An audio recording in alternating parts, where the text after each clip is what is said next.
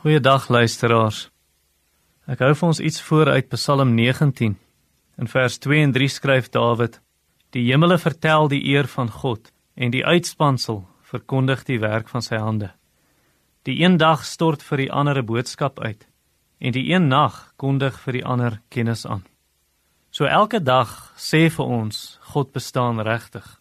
Hy's groot. In die oggend sien ons byvoorbeeld die voëls, ons hoor die voëls Die son kom op en verf die donkerblou aandhemel toe met ligte blou.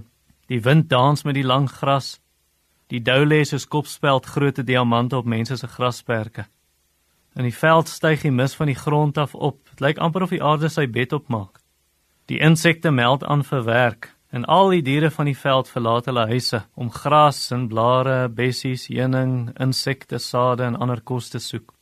En net soos die dae, die nagte het ook iets vir mekaar te sê, skryf Dawid hier. Die een nag bied aandklasse oor God se wese en karakter aan vir die volgende.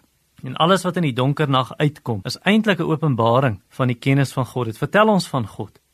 Dink maar aan die sekelmaan met sy glimlag of die sterre wat meer is as sandkorrels in die Sahara woestyn. Leeu's en hyenas, vuurvliegies, vlermuise, motte. Dis amper of die naglewe saam sing in 'n koor dat God hulle gemaak het. So die dag, die nag en alles daarin gee vir ons 'n sekere kennis van God, sê Dawid in vers 3. Dink maar aan 'n skilpad met 'n huis op sy rug. Dit leer vir ons God is wys of malgasse, 'n tipe seevoël wat soos kamikaze vlieëniers in die water induik om vis te vang. Wys vir ons dat God goed is. Die magtige Himalajas wat die hoogste geboue ter wêreld verdwerg, sê vir ons dat die Here almagtig is. Die getal en die verskeidenheid van skepsels sê vir ons iets van God se alwetendheid. Die ordelikheid, die simmetrie, die presiese maates van 'n byenes wys vir ons dat God so is. Die kleure van korale en plante, seediere, visse in Australië se Great Barrier Reef gee vir ons 'n idee van hoe pragtig God moet wees. En die manier waarop ma 'n nuwe baba saggies teen haar vasdruk, gee vir ons so 'n vaar beeld van God se groot liefde. Die punt is eintlik net dit: Ons moenie in hierdie malle gejaag van ons werksweek die Here in sy skepping miskyk nie.